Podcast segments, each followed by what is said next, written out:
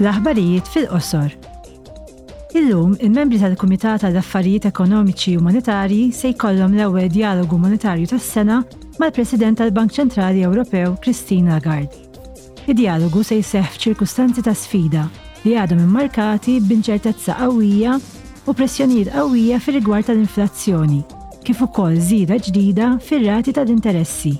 Wara dan id-djalogu, se jkun hemm seduta ta' smigħ pubbliku ma' Christine Lagarde fil-kapaċità tagħha ta' President tal-Bord Ewropew dwar ir-Riskju Sistemiku. F'Settembru dan il-Bord ħareġ twissija dwar il-vulnerabbiltajiet tas-sistema finanzjarja tal-Unjoni Ewropea.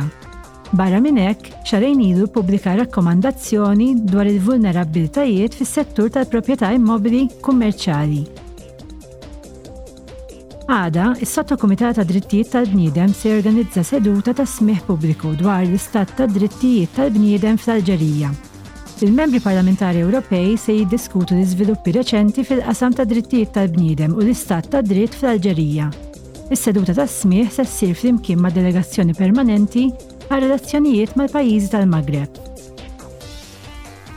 Għada wkoll, il-Kumitat għall-Iżvilupp se jorganizza seduta ta' smigħ pubbliku dwar kif nistgħu noħolqu opportunitajiet ta' impjieg sostenibbli u deċenti fl-Afrika għall-popolazzjoni żagħżugħa ta' dan il-kontinent li qiegħda dejjem tikber.